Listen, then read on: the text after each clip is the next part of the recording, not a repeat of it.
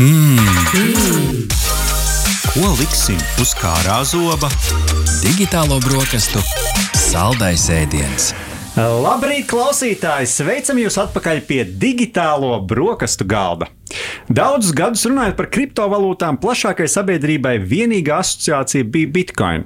Bet pēdējos gados arvien plašāk dzirdam par daudz un dažādām kriptovalūtām. Kādas tehnoloģijas veido kriptovalūtas un cik daudzveidīgs ir to klāsts? Jautāsim mūsu šīs dienas raidījuma viesiem. Bet pirms tam klausītāji atgādinām, ka mēs neesam finanšu analītiķi, tāpēc tas, par ko šodien runāsim, nav uztverams kā finansiāli ieteikumi vai mudinājums ieguldīt naudu kriptovalūtās. Tie ir ļoti augstu riska darījumi, kur naudu pazaudēt var ļoti ātri. Būtiski piezīme. Jā, bet ar mums šodien kopā ir divi eksperti, divi viesi. Un, kā pirmais, Denis Filipovs, Latvijas Bankas maksājuma sistēmas politikas daļas vadītājs un moderno maksājumu eksperts. Labrīt, Denis! Labrīt! Un ar mums kopā arī Kristaps Mors, kriptovalūtu eksperts un entuziasts. Es domāju, ka visi, kas ir interesējušies par kriptovalūtām, Latvijā noteikti zina, kas ir Kristaps. Labrīt, Kristap! Labrīt! Kristap, vai no entuziasta pārtop ekspertā, vai tās ir līdz pastāvošas vērtības? es domāju, atkarīgs no situācijas un konteksta. Es varbūt vairāk orientējos Bitcoin pasaulē, bet tas viss, kas notiek ar tām desmit tūkstošiem citām kriptovalūtām, tur droši vien varbūt ir citi lielāki eksperti. Varbūt sāksim ar, ar, ar to atverošo jautājumu. Kristap, kāda varbūt ir tā tava pieredze, tavs garais stāsts īsumā? Tu jau ieskicēji, ka varbūt vairāk bitkoina ir tas, par ko tu interesējies, bet varbūt var ieskicēt pārējiem klausītājiem, kas varbūt tevi vēl nezina no, no, no citiem kanāliem un, un, un citām, citām sfērām, kas ir tas tavs kriptovalūtu fons un tava pieredze ar to. Nu, manā gadījumā tas viss sākās ar uh, spekulāciju, ar to, ka es nopirku dažus bitkoinus, kā viņi maksāja krietni mazāk nekā, nekā šobrīd. Un, uh, pēc tam arī droši vien spekulēju ar Ethereum un, un, un kaut kādām citām kriptovalūtām. Un tad kaut kādā brīdī, kad to vērtība ļoti izauga, es uh, tā vietā, lai, lai, lai to pārvērstu varbūt atpakaļ uh, naudu kaut kādā eiro vai dolāros, es uh, izdomāju kopā ar vēl vienu draugu investēt mainīgā. Tad mēs sapirkām daudz šīs kriptovalūtu rākšanas iekārtas, mēģinājām mainot Latvijā, Lietuvā, vienā Vidusāzijas valstī.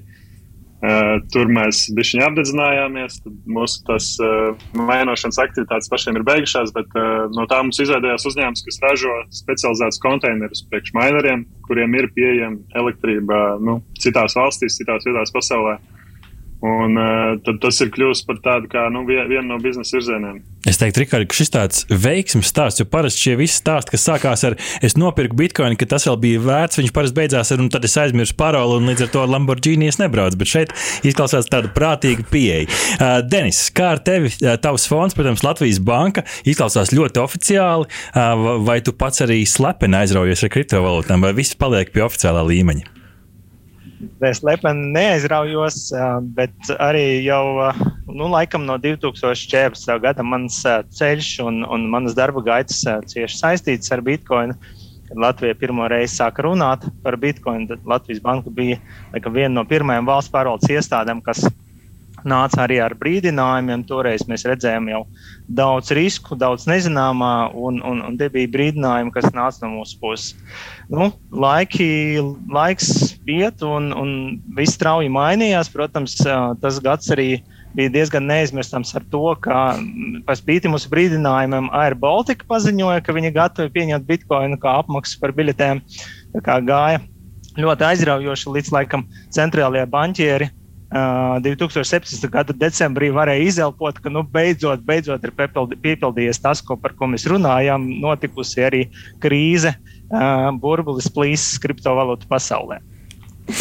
Jā, nu, vienot sakot, parunāsim par dažādiem aspektiem, arī Kristapam pieminētām rakšanas tehnoloģijām, bet uh, sāksim ar tādu nu, ievadu, kā vispār varam klasificēt kriptovalūtas. Jo nu, ir skaidrs, ka tās ir daudz un dažādas, vēl bez jau mums labi zināmā Bitcoin un, un arī Ethereum. Uh, Denis, varbūt tu vari izstāstīt, nu, teiksim, kāds būtu tas galvenais dalījums uh, uh, kriptovalūtām, ja mēs skatāmies to desmit tūkstošiem, ko Kristus pieminēja. Es domāju, ka nu, visvienkāršākais līmenis, kā to sadalīt, un cilvēkam parastajam varbūt arī vieglāk saprast, būtu, ka uh, viss sākās, protams, ar bitkoinu.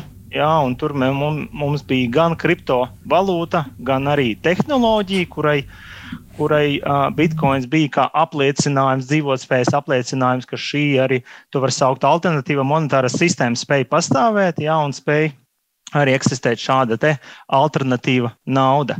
Uh, un uh, likās, ka Tas arī turpināsies, bet, nu, protams, tika atrasti vienkāršāki veidi, kā uz šīs tehnoloģijas veidot salīdzinoši vienkāršākus analogus. Līdz ar to mēs varētu izdalīt Um, viņi saucās angļuiski native, jā, tādi natīvi instrumenti kā Bitcoin vai Ethereum jā, kas tiešām uz savas tehnoloģijas arī eksistē.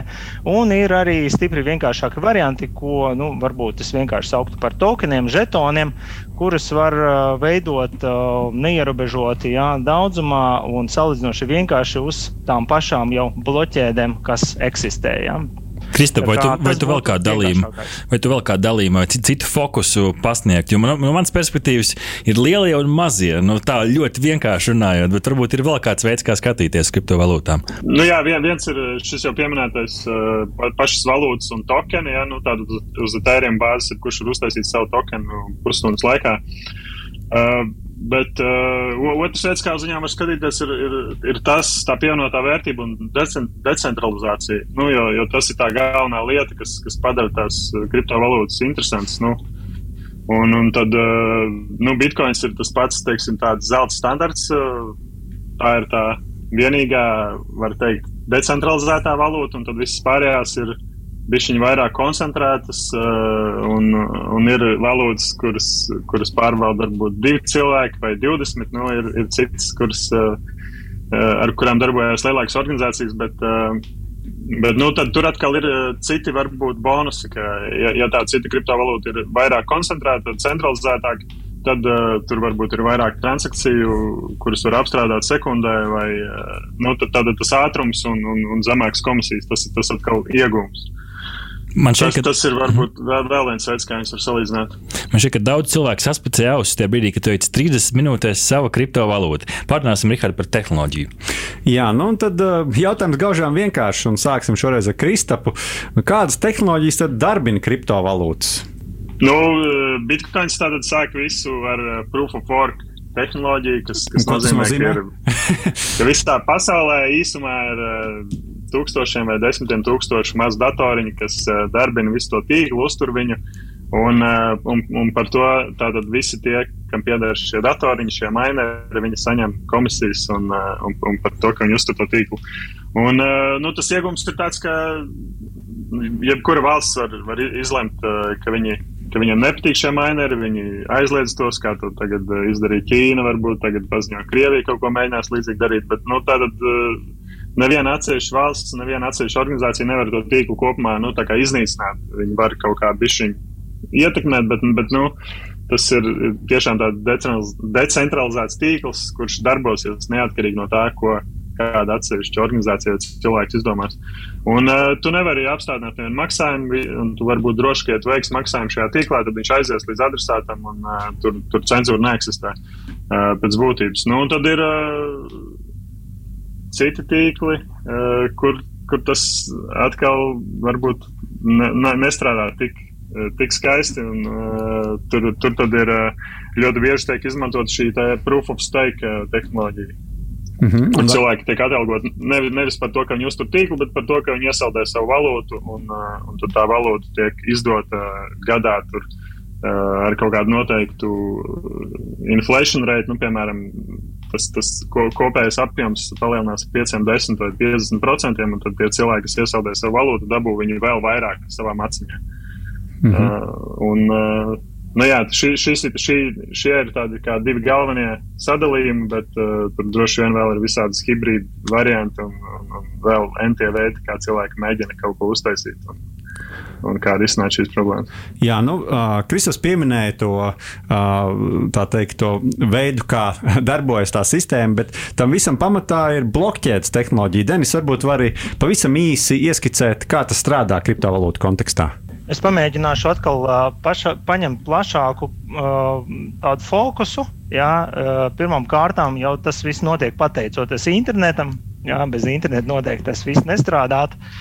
Un, uh, ilgi, protams, strādājot un domājot, nu, cilvēki uh, konstatējuši vai no jauna varbūt uh, priekš sevis atklājuši tehnoloģiju un principus, kas ļauj uh, datu struktūrēt, pie tā to visu diezgan komplicēti apvienot, gan datu, mm, veidojot uh, kopīgu datu struktūru, labājot datus, nodrošinot, lai tie dati ir nemainīgi un, un, un arī diezgan e, veikli to visu šifrējot un, un parakstot. Ja? Un, un tur arī pa vidu parādās tas aspekts, ko Kristaps jau minēja, ka par, par to arī dabū atlīdzību, ja piedalās šajā procesā. Nu, tā es mēģināju ļoti, ļoti uh, vispārīgi aprakstīt bloķēdes tehnoloģiju. Pa lielam tas ir, tas ir princips, jā, kā mēs datus uh, struktūrējam un mēģinam viņus saglabāt, uh, nodrošināt to, lai šie dati arī paliek nemainīgi. Nevis tā kā nu, decentralizēti, kur katrs varētu pamainīt datus, un pēc tam mēģina izsekot, kā tas tika darīts. Bloķēdes te, bloķēdes tehnoloģija to vienkārši neļauj darīt šādā veidā, ja tu gribi kaut ko mainīt tad uh, vecie ieraksti pārrakstās ar jauniem ierakstiem, un visu var redzēt. Pēc tam tie jaunie ieraksti arī tiek apstiprināti ja, no visu dalībnieku puses, ideālajā gadījumā. Nu, līdz ar to šīs princips uh, ļāva arī uh, saprast, ka mēs varam nu, šajā gadījumā, par ko mēs runājam, uh, kripto, uh, kriptovalūtu transakcijas, jā, finanšu transakcijas šādā veidā arī glabāt, ja, un, un ļoti, ļoti labi strukturēt un nodrošināt, ka šie dati paliek nemainīgi. Tad, tad sanāk, ja tā nu, pavisam vienkārši saka, jūs sakiet, ja es kļūdos, tad, principā, nu, šobrīd normālajā pasaulē, ja, piemēram, elektroniskajos maksājumos, nu, piemēram, tas notiek viens bankas ietvaros, tad banka, viena banka ir tā, kas zina, kas notiek, un viņi attiecīgi nokontrolē, kuram no viena maciņa aiziet naudu uz otru digitālo maciņu. Tad šajā gadījumā blokķēdes tehnoloģija sanāk, ka visi, kas, kam, kam pieder tas konkrētā kriptovalūta, ir banka, jo pilnīgi visi zina visu par visiem, un tiklīdz līdz kā viens kaut ko maina, tā uh, visi uzzina, ka tāda izmaiņa notikusi. Un, lai to sistēmu varētu, kā saka, nu, kaut kā ietekmēt, tad ir nu, jāuzlauž 51% no, no visiem, kam, tas, uh, kam tā informācija pieejama. Kaut kā tā? Jā, jā apmēram tā ir. Man, man, man tomēr gribās vēl tehnoloģiskāk parunāt par šo. Mums laiks nav daudz, ja mēs varam tā burtiski minūtē, divās uzbūvēt, kas ir tas džentlmeņa komplekts kriptovalūtas rakšanai. Kristap, tu teici, ka tu esi ar to nodarbojies. Mēs sapratām, ka apakšā ir tehnoloģija, tur mēs šodien neīlīdīsim, lai saprastu, kur grozās viennieku un nulīdz, bet ir tehniskā līmenī. Tad ir vajadzīgs internets. To mēs sapratām no Denis. Kas vēl ir vajadzīgs? Ir dzirdēts, ka daudz pērk tās video kartes un taisa sev plauktiņas ar video kartēm, ventilatoru un tā tālāk. Ievieš šeit skaidrību, kas ir tās galvenās komponentes, lai fiziski raktu kriptovalūtas? Nu, vēsturiski ir bijuši divi varianti. Ir bijuši specializēti ASIC mineri, kas ir datoriem līdzīgas iekārtas, eh, kas darbojas, eh, piemēram, lai mainotu tikai bitkoinu, un neko citu ar šīm iekārtām tu nespēji izdarīt. Eh, un viņu cena nu, ir teiksim, sākot no, no dažiem simtiem par kaut kādu vecu paudzes iekārtu. Un, un, un kur tu visdrīzāk neizmantos līdz pat desmit vai vairāk tūkstošiem par pašu jaunākās paudzes iekārtu. Tad ir bieži arī izmantoja video kartes, lai mainotu Ethereum uh, kriptovalūtu. Bet Ethereum tagad ir paziņojuši, ka viņi laika gaitā plāno pāriet uz citu principu, kā viņi darbojās, un tur vairāk tā mainošana nestrādās. Uh, nu jā, tā kā, ja tu skaties uz, uz kriptovalūtām, kuras ir balstīts uz šo te proof of stake principu, tad tev nav vajadzīgs pat nekādas iekārtas. Tu vienkārši nopērci to kriptovalūtu, tu viņu kaut kur nospied podziņu, ka viņi tev kaut kādā veidā steikojās, un tu saņem atlīdzību. Uh, bet, ja tu darbojies ar kriptovalūtām, kas izmanto šo proof of work uh, pieeju, tad tev ir vajadzīga šī kaut kāda specializētā iekārta, kas, kas nodarbojas ar šo mainošanu, ar šo tīklu uzturēšanu. Denis, vai viss ir tik vienkārši, vai nav vajadzīga kāda atļauja? Vai Latvijas banka neizsniedz tagad jau ra rakšanas atļaujas, vai tas viss ir tik ļoti decentralizēti? Latvijas banka neizsniedz raksturības atļaujas, bet tas, tā komponente, ko es gribēju piebilst, jau nemazāk svarīga mūsdienās, ir pieeja pie lietās elektrības. Jā.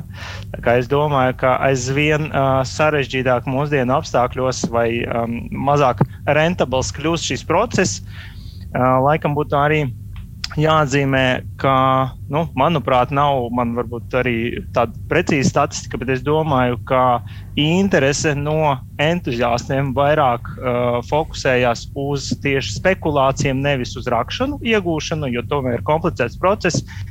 Uh, bet uh, jāatzīmē, ka nesen bija laikam fakts un konstatējums, ka nu, pret lielajām fermām viens bija uh, laimīgs biļets arī um, vinnētājs un, un salīdzinoši ar salīdzinoši maz jaudām bija noslēgts viens no bloķē, blokiem, bloķē, Bitcoin bloķēdē. Un tas, tas cilvēks arī dabūja diezgan iespaidīgu atlīdzību, lai Kristaps labojies kļūdos šo faktu interpretēt, bet tas laikam dod kaut kādu cerību arī mazajiem privātajiem racējiem, jā, uz kaut ko cerēt. Un, un, un tieši tā kā Kristaps minēja, veidot savas minifermas un visu laiku arī rakt cerībā, ka izdosies.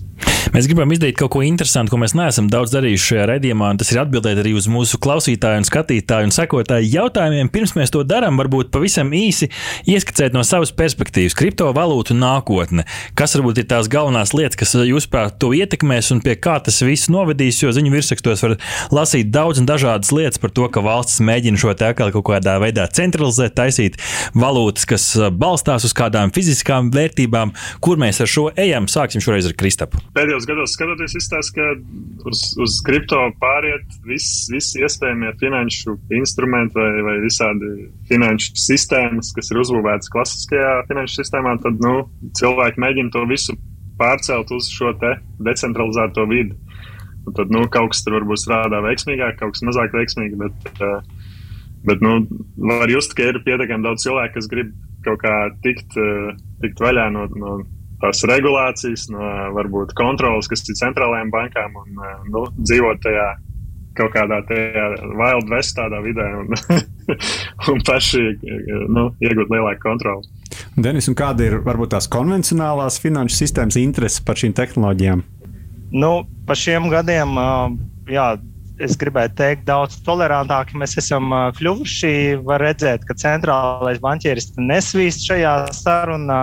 Un, un, un uh, arī par riskiem tik ļoti nerunā. Uh, jāsaka, gan ka uh, tieši attiecībā uz maksājumiem, un, protams, tā maksāšanas funkcija ir viena no naudas funkcijām. Uh, kriptovalūtas sevi nesot nu, tā labi pierādījušās. Bija mēģinājumi Bitcoin visur pieņemt, bet, bet mēs redzam, ka tik labi neiet. Un, un tur ir arī divi iemesli. Gan nu, tā centralizēta sistēma un centrālās bankas spēja nodrošināt ļoti ērtus, efektīvus risinājumus, kā piemēram zibmaksājumi Latvijā. No otras puses, arī Komercbankas spēja diezgan veiksmīgi um, atbildēt un piedāvāt lietotājiem ērtus risinājumus. Ja, nu, pagaidām uh, kriptovalūtām tas tik veiksmīgi nav izdevies. Bet mēs visu laiku runājam par tādu līdzpastāvēšanu. Mēs redzam, ka uh, kriptovalūtas pārvērtās, es gribētu teikt, uh, un vairāk attīstās kriptoaktīvu virzienā. Cilvēki redz uh, tajos investīciju objektu, un pat regulējumi šobrīd attīstās tieši ar mērķi aizsargāt potenciālus investorus, padarīt šo procesu caurspīdīgāku. No šīs sapratu, ka interese kopumā pasaulē ir. Līdz ar to Kristaps eh, māja ar galvu vai nemāja ar galvu, ka interese būs. Līdz ar to šīs iespējas joprojām pastāvēs. Bet no Denisa es saprotu, ka uh, interese arī ir no, no, no institūcijām izmantot šo tehnoloģiju priekšrocības, bet ka pagaidām to, tās, tās esošās, esošo uh, naudas maksājumu uh, funkcijas šobrīd ir uh, diezgan attīstītas. Līdz ar to tur tā konkurence būs un pastāvēs. Uztaisam ātro ložmetēju jautājumu raundu. Mums ir vairāk jautājumu no skatītājiem. Šeit mēs nesagaidām neko vairāk kā tādu vienu, divus precīzus, kodolīgus teikumus. Ja esat gatavi, kungi, lecam iekšā. Pirmais jautājums no uh, skatītājiem kas, uh, un, un sekotājiem, kas mums ir, kā atšķirt īstu kriptovalūtu no viltus kriptovalūtas, kā noķert uh, to, ka šeit ir kaut kāds krāpniecības mēģinājums, nevis patiesa kriptovalūta. Kuram ir atbilde ceļam roku un sākam? Nu, viens no, jums, viens no, no faktoriem, ko varētu ņemt vērā, ir, ja, ja tev kāds viņu mēģina aktīvi pārdot, nu, tad uzreiz es skeptisks, bet, bet otra lieta ir, ja tā ir īsta kriptovalūta, un tev ir jābūt iespējai jebkuru transakciju online pārbaudīt, redzēt vēsturi, jeb, jebkuru maksājumu. Un, un, un tas ir tas, kas nu, atšķir tās kriptovalūtas no, no kaut kādām citām lietām. Vai var noteikt decentralizāciju versus centralizāciju šajā gadījumā kaut, kaut kādu tehnisku paņēmienu? Jo nu, varbūt viņš tikai saka, ka tā ir uh, kriptovalūta, bet patiesībā viss centralizēti. Nu, te laikam jāsaprot konteksts, bet um, ļoti bieži piedāvā kriptovalūtu, ka tas um, tā tiek emitēta. Nu, ir tāds paņēmiens, kā ICO, sākotnējs monētu piedāvājums, tad ir biznesa projekts, pret kuru tiek emitēta uh, kaut kāda kriptovalūta. Un tev piedāvā ieguldīt šajā projektā, jā, nu pretī saņemot kaut ko. Bieži vien tie tiešām ir tādi žetoni, jā, uh, kur tu nezini, uh, kāds būs iznākums, un tu tiešām riskē. Var gadīties, ka pieaug vērtība, jā, un tu pēc tam vari realizēt šo kriptovalūtu, bet uh, nu, diezgan bieži. Šīs, šī biznesa ideja nerealizējas, un, un tiešām tev sanāk pat zaudētājs. Uh -huh. Atgriežoties pie vispār pie jautājuma, nu, kā mazināt to iespēju būt apkraptam, es domāju, ka jāskatās uh, nu, uz biržām, jā, kuras ir licencētas, kur tiešām jau ir atzītas, uh, kur viss process notiek. Jo bieži vien nācies arī mums saskarties ar, ar cilvēku lūgumiem palīdzēt, jo viņi ir devuši naudu jā, kaut kādam brokerim, kurš solīja uh, ieguldīt kriptovalūtas un solīja pasakaņu peļņu. Uh mhm. -huh. Kristap, kas nosaka jaunas mazas kriptovalūtas cenu? Kur radās cena par vienu, par vienu vienību? Pavisam īsi. Protams, ka tirgus nu, ir pietiekami liels pieprasījums un ir uh, cilvēki, kas ar pietiekami lielu ietekmi arī promoto šīs te jaunās kriptovalūtas. Tad viņiem atrodas sekotāji, kas grib noticēt kaut kādā jaunā brīnumā un tad nu, spekulē. Uh mhm. -huh. Var teikt, pērk loterijas biļetes. Uh, Paldies, Denis. Jautājums tev, vai Latvijā ir normatīvais regulējums attiecībā uz kriptovalūtām, vai ir kaut kas, kas šobrīd to regulē? Uh, šobrīd uh, valsts ieņem dienas ir tā atbildīga iestāde, kas uh, reģistrē un uzrauga uh, kriptovalūtu mājas platformas, jā, tā saucamās biržas un saistītas pakalpojumus, bet mēs esam ļoti tuvu, lai Eiropas līmenī mums tuvākos gados ir arī šis regulējums, kas atzīst kriptovalūtas par aktīviem ieguldījumu objektu un mēģinās nodrošināt arī šiem investoriem aizsardzību. Uh mhm. -huh. Kāpēc kriptovalūtas ir tik nestabils? Kristap, varbūt tu vari pateikt. Nu, droši vien tāpēc, ka nav, tāpēc, ka nav bankas, kas mēģina stabilizēt to visu. Attiecīgi, tas, kas notiek, ir nu, tās svārstības ir, ir krietni asākas nekā mēs redzam, varbūt klasiskajos finanšu tirgos, kur ir bankas, kas mēģina tur kaut ko pieregulēt un stabilizēt. Tā kā ir problēma. Uh mhm. -huh. Un noslēdzošais varbūt radošā, radošās atbildes, kas varbūt ir lielākā pievienotā vērtība, kas ir radusies kriptovalūtu uh, radīšanā un no to veidotājiem. Vai ir kādi piemēri, uh, kur jūs redzat, nu, tomēr bija labi, ka ir, ir labi, ka ir šis process, jo radās konkrēta, konkrēta vērtība lieta vai pieeja. Uh, Denis. Nu, finansēs mēs esam piedzīvojuši arī daļēji šo revolūciju. Pa, Dēļ kriptovalūtu attīstības un, un visas bloķētas tehnoloģija, protams, ļoti daudz kas um, nepiepildījās. Varbūt bija pārāk lielas expectācijas attiecības tehnoloģija.